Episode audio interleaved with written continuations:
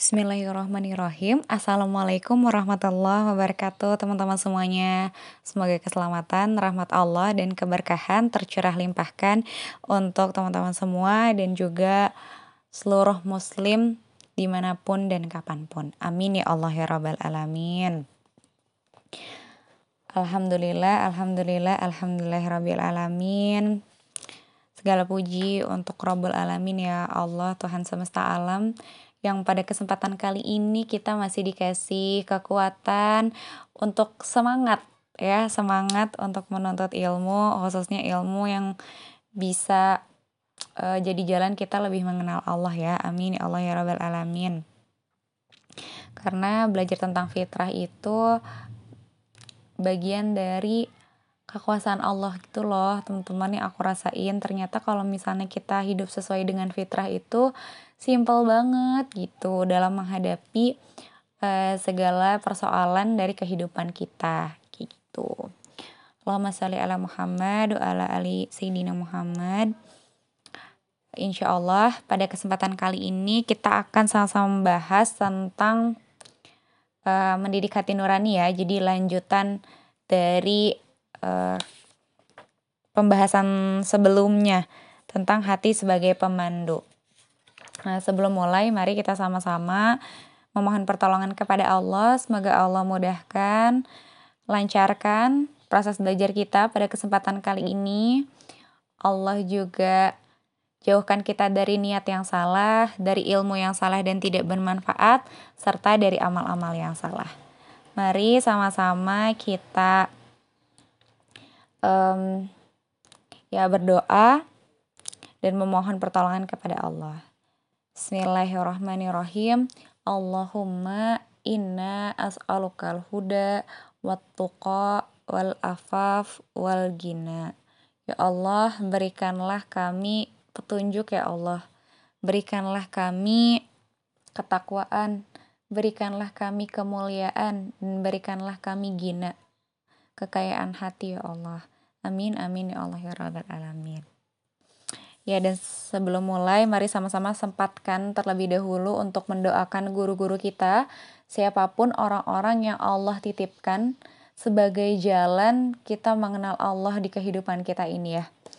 Mari kita sambil ingat wajah-wajahnya ya, sambil ingat kebaikan-kebaikannya, kita rendahkan dan kita uh, tundukkan diri dan hati kita di hadapan Allah ya. Mari sama-sama kita doakan dengan keberkahan Quran surat Al-Fatihah. Al-Fatihah. Bismillahirrahmanirrahim. Bismillahirrahmanirrahim. Alhamdulillahirabbil alamin. Arrahmanirrahim. Maliki yaumiddin. Iyyaka na'budu wa iyyaka nasta'in. Ihdinas siratal mustaqim. Shiratal ladzina an'amta 'alaihim ghairil maghdubi 'alaihim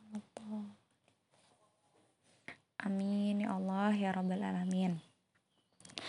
Baik, uh, teman-teman, alhamdulillah kita sudah mengawali dengan sebaik-baiknya. Insya Allah kita doa kita mulai dengan doa-doa dan insya Allah pada kesempatan kali ini bahasan kita terkait uh, inti dari salah satu inti dan salah satu teknis bagaimana kita bisa mendidik hati nurani. Nah, kalau misalnya sebelumnya kita uh, pernah membahas sedikit ya terkait menghidupkan malam. Nah, ini akan lebih detail lagi karena judulnya adalah Tazkiyatun Nafs atau mensucikan jiwa ya. Bagaimana bahasannya? Insya Allah ini sangat-sangat menarik. Uh, mari sama-sama kita maknai ya. Bismillahirrahmanirrahim. Tazkiyatun nafs. Begitu pentingnya hati, sehingga kita memang butuh untuk menjaganya. Tetap bersih dan juga lurus. Dengan itu, kepekaan akan terasah selalu dan juga intuisi akan semakin tajam. Rasulullah SAW menggambarkan hati sebagai cermin. Setiap kita melakukan dosa, cermin ini akan terkena bintik hitam. Setiap kita melakukan dosa, cermin diri kita itu akan ada noda atau bintik hitam. Ya. Semakin banyak bintik hitamnya, maka cermin akan semakin kotor. Dan apa yang dipantulkan menjadi buram dan juga buruk. Tazkiyatun nafs terdiri dari dua kata. Yang pertama at-tazkiyah dan juga an-nafas. At-tazkiyah bermakna at-tahhir ya, yaitu penyucian ataupun pembersihan. Karena itulah zakat yang satu akar kata dengan at-tazkiyah disebut zakat karena ditunaikan untuk membersihkan atau menyucikan harta dan jiwa kita. Adapun kata an-nafas atau bentuk jamaknya dari anfus dan nufus berarti jiwa ataupun nafsu. Dengan demikian, tazkiyatun nafs berarti penyucian jiwa dan nafsu kita. Teman saya, Mbak Hening, dari komunitas Nauman Alikan Indonesia merangkum makna tazkiyatun nafs dengan lugas dan mengena. Dalam catatannya, Ustadz Adi Hidayat menceritakan proses penciptaan manusia. Jasad manusia itu berkembang di dalam rahim. Ketika jasad yang biasa disebut janin itu mencapai umur 40 hari, maka ditiupkanlah ruh yang suci yang asalnya itu dari Allah. Ustadz Noman Alikan mengatakan bahwa fisik atau jasad itu asalnya dari bumi. Sedangkan ruh itu dari langit. Aku ulangi ya. Kalau fisik kita itu nih yang sekarang badan kita itu asalnya dari bumi, Sementara ruh itu dari langit. Nah, ruh itu suci, bersih, murni dan membawa ketakwaan. Ya, karena dari langit ya dan langsung Allah yang memberikan ruh ya yang meniupkan ruh itu. Namun, saat ruh itu masuk ke dalam jasad, maka ia akan bercampur dengan sifat-sifat duniawi manusia karena fisik dan jasad kita ini dari e, bumi ya atau dari tanah gitu. Dari bumi. Ya, maka dari itu ketika ruh itu tadi ya masuk, maka akan tercampur dengan sifat-sifat duniawi manusia. Nah, dan ruh yang telah bergabung bersama jasad itu disebut nafas Paham gak ya sampai sini? Semoga teman-teman Allah berikan kemampuan untuk paham. Ya, nafas adalah ruh yang telah bersosok. Ya, di pengertian dari nafs itu lebih detailnya adalah ruh yang uh, ada dalam jasad kayak gitu ya. Kayak yang sekarang kenapa kita bisa hidup ya masih detik ini berdetak jantungnya ya karena ada nafas, ada ruh yang berada dalam jasad kita gitu ya kayak gitu. Jadi ruh itu e, di sini diibaratkan sebagai wadah yang bening dan bersih. Jika diisi dengan air yang bersih, dia akan tetap bening. Tapi jika diisi dengan air kotor, maka dia akan terlihat kotor dan kusam. Ya, artinya jika seorang memasukkan hal-hal yang baik ke dalam dirinya, itu artinya dia menjaga nafsnya tadi untuk tetap baik. Sedangkan jika dia memasukkan yang buruk, maka nafsnya tadi menjadi buruk. Gitu. Tadi aku ulangi kita sama-sama bayangkan pelan-pelan, perhatikan, disimak.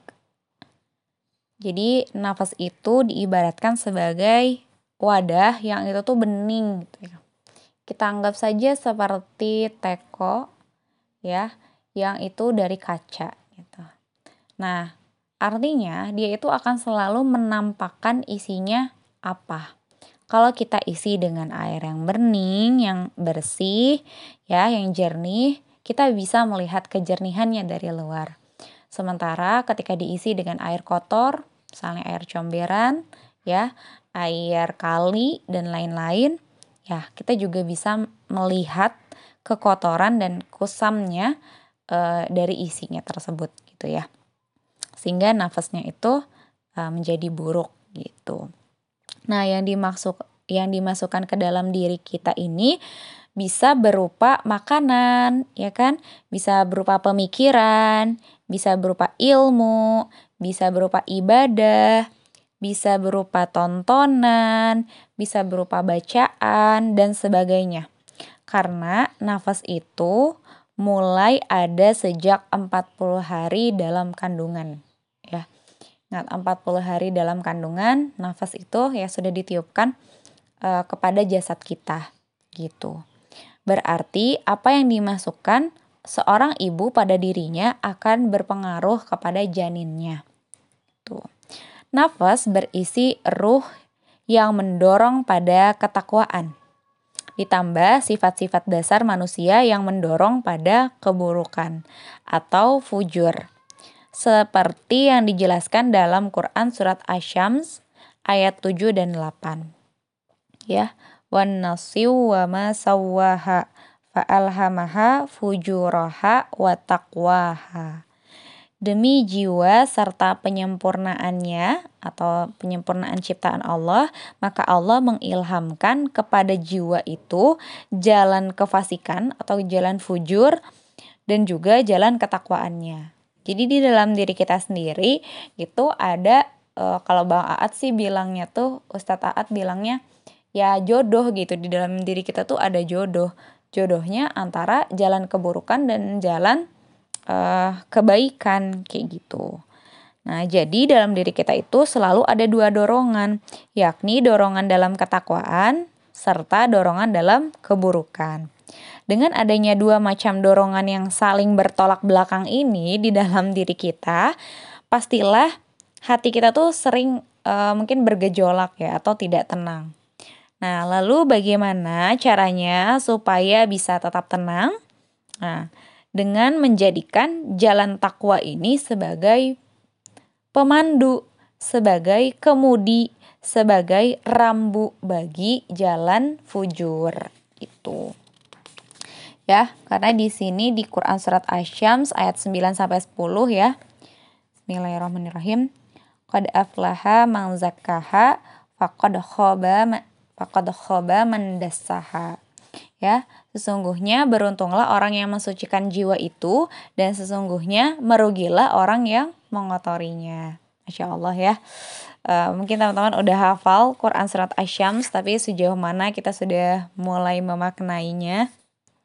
Karena ternyata ya di sana juga disampaikan bagaimana kondisi jiwa kita dan juga di sini disampaikan ya orang-orang yang beruntung itu yang seperti apa. Orang-orang yang beruntung adalah orang yang mensucikan jiwa gitu ya. Dan sebaliknya tentunya uh, orang yang rugi adalah yang mengotorinya. Masya Allah. Nah, pada ayat 10 itu ya yang tadi uh, Quran surat Asy-Syams ayat 10 ada kata khoba Nah, khoba itu artinya rugi. Namun, bukan hanya rugi secara fisik. Perhatikan ya, bukan hanya rugi secara fisik, melainkan juga rugi sampai merasa kesusahan. Jadi secara mental. Orang yang dikuasai sifat buruknya, maka hatinya itu tidak akan tenang akan mudah tersinggung, mudah mengeluh, mudah suuzon sama orang lain kayak gitu. Makanya selalu nggak tenang gitu, selalu uh, apa ya nggak bahagia kayak gitu. Karena yang rugi sekali lagi bukan fisiknya saja, tapi mentalnya yang rugi. Pada ayat ke-9 terdapat kata zakaha ya yang berasal dari kata zakka dalam bahasa Arab yang artinya itu upaya membersihkan atau menyucikan disebut zakah. Nah, untuk menyatakan makna sungguh-sungguh menyucikan, maka si katanya itu zaka ditambah dengan tashdid atau penekanan banget gitu ya, menjadi zakka gitu. Jadi kaknya ada dua. Kalau yang sebelumnya uh, kaknya satu aja gitu tulisan zat zakanya.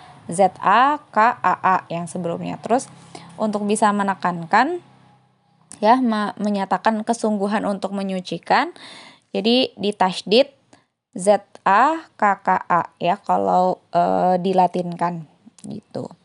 Jika untuk menyucikan itu dilakukan dengan segera, nah ya dengan segera nih ya, segera banget, benar-benar sekarang banget gitu. Maka ditambahkan lagi kata tak di depannya. Tak di depan kata zakka. Sehingga menjadi kata tazakka gitu teman-teman. Nah, bentuk kata turunan lainnya dari kata tazakka adalah taskiyatun. Nah, Insya Allah ya kita uh, memaknai secara uh, bahasa dan penulisan bahasa Arabnya, Masya Allah. Nah, dengan uh, demikian taskiyatun nafs adalah upaya pembersihan upaya ya teman-teman berarti ini tuh suatu usaha yang perlu kita lakukan untuk membersihkan dan menyucikan nafas kita atau jiwa kita secara sungguh-sungguh dan segera. Jadi nggak cukup oke okay, upaya membersihkan jiwa gitu ya. Oke okay, aku mau tobat, aku mau uh, mengisi jiwa aku dengan hal-hal yang baik ya agar tadi bisa tetap bening nih gitu ya si uh, tekonya tuh bisa terlihat ya isinya itu adalah hal-hal yang baik itu dengan ya kebeningan dan kejernihan isinya tapi nanti aja deh lima tahun lagi atau 10 tahun lagi gitu. Nah itu kan artinya bukan taskiyatun nas karena taskiyatun nas itu ya kesungguhan tadi ya upaya pembersihan dan penyucian nafs dengan sungguh-sungguh dan juga segera. Jadi benar-benar kayak right now banget gitu ya. Oke dilanjut. Tazkiyatun nafs menjadi penting karena di akhir hidup kita nanti yang akan kembali kepada Allah itu adalah nafas kita. Bukan hanya ruh ya. Yang akan kembali kepada Allah itu adalah nafas kita, bukan hanya ruh. Sosok ruh yang bernama nafas inilah yang akan kembali kepada Allah bersama seluruh sejarah hidup kita baik ibadah kita maupun perbuatan dosa kita tuh ya kembali kepada Allah. Seperti firman Allah dalam Quran surat Ali Imran ayat 185. Oke. Aku e, bacakan artinya ya. Bismillahirrahmanirrahim. Seperti yang ber, setiap yang bernyawa atau setiap makhluk yang bernyawa nafas ya akan merasakan mati dan hanya pada hari kiamat sajalah diberikan dengan sempurna balasanmu. Barang siapa dijauhkan dari neraka dan dimasukkan ke dalam surga, sungguh dia memperoleh kemenangan. Kehidupan dunia hanyalah kesenangan yang memperdaya. Kayak gitu. Jadi Allah pun menegaskan bahwa setiap e, nafas itu ya akan kembali kepada Allah. Jadi ketika kita nafas kita ini dipanggil, itu akan kembali pulang kepada Allah ya. Hanya nafas gitu. Nah, dan nafas hanya nafas yang tenanglah yang akan disambut dengan lembut untuk masuk ke dalam surga. Nah, inilah cita-cita kita semua ya, yakni menjadi nafas yang tenang dan memasuki surga dengan ridho Allah. Seperti firman Allah dalam Quran Surat Al-Fajr ayat 27 sampai 30. Ini salah satu ayat favorit dari guru aku waktu itu diceritain ke aku dan aku tuh kayak merinding banget ya setiap ada yang bacain Al-Fajr gitu ya. Mari sama-sama kita maknai Quran Surat Al-Fajr ayat 27 sampai 30. Hai jiwa yang tenang, kembalilah kepada Tuhanmu dengan hati yang ridho dan diridoinya. Maka masuklah ke dalam golongan hamba-hambaku. Masuklah ke dalam surgaku. Masya Allah. Gitu teman-teman. Hmm, terkait taskiyatun nafs. Menarik banget ya bahasannya. Jadi memang taskiyatun nafs ini adalah uh, poin yang penting banget untuk kita perhatikan untuk bisa uh, membuat hati kita jadi tajam ya bisa uh, hati kita tuh menjadi radar hati kita menjadi pemandu ya hati kita bisa menjadi um, apa ya peka banget gitu ya sama tanda-tanda ya terus hati kita juga cerdas Nah, itu kita perlu mensucikan uh, diri kita gitu atau jiwa kita dengan ya tazkiyatun nafs ini. Salah satu upaya tazkiyatun nafs adalah ya yang di sepertiga malam itu ya yang menghidupkan malam gitu.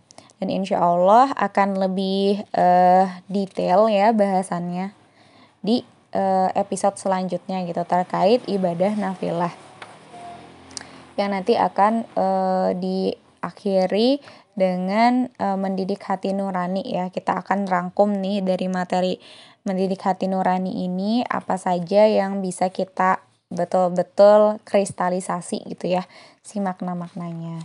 Masya Allah. Jadi semasya Allah itu yang ngomongin tentang jiwa um, Masya Allah banget pokoknya. Jadi nafas ini ya teman-teman waktu itu Ustadz Aat pernah cerita pernah menceritakan yang bayangin aja kalau janin yang dia tuh belum ada nafasnya atau belum ada ruh yang ditiupnya uh, dia itu kan akan mati ya udah gitu ya. Dia tidak bisa bergerak tidak bisa uh, bertumbuh berkembang ya. Gitu. Tapi ketika sudah ditiupkan nafas nafasnya atau jiwanya itu ya ruhnya akhirnya bisa masya Allah gitu ya bisa bertumbuh, berkembang dari satu sel itu membelah, membelah terus membelah dan berdiferensiasi tugas-tugasnya gitu, masya Allah, semasya Allah itu. Nah setelah itu juga uh, dari selain itu kalau misalnya kita sudah lahir ke dunia, kemudian kita terus tumbuh dan berkembang, masya Allahnya ketika waktu kita habis dan harus kembali kepada Allah, uh, fisik yang sudah diambil atau sudah dikembalikan nafasnya ya di sisi kepada Allah di sisi Allah maka fisik itu juga nggak bisa berkembang apa-apa lagi gitu. Jadi fisik kita pun akan mati ya. Matinya seperti apa? Mengkerut ya. Terus dingin kaku dan lain-lain. Jadi penting banget peranan nafas ini ya di dalam diri kita yang perlu kita jaga gitu. Karena kalau tidak nanti akan ke jalan yang fujur tadi gitu ya. Bukan ke jalan yang ketakwaan itu makanya di Al-Quran itu banyak banget ya perintah bertakwa agar kita bisa melindungi diri kita sendiri agar kita bisa jadi orang-orang yang beruntung karena mensucikan jiwa. Gitu. Di Bismillah yuk mulai dari sekarang right now banget.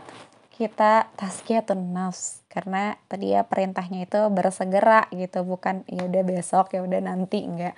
Tapi bersegera ya bismillah semoga Allah berikan kita kekuatan untuk bisa terus istiqomah mencari ilmu ya agar senantiasa e, beramal itu dengan ilmu.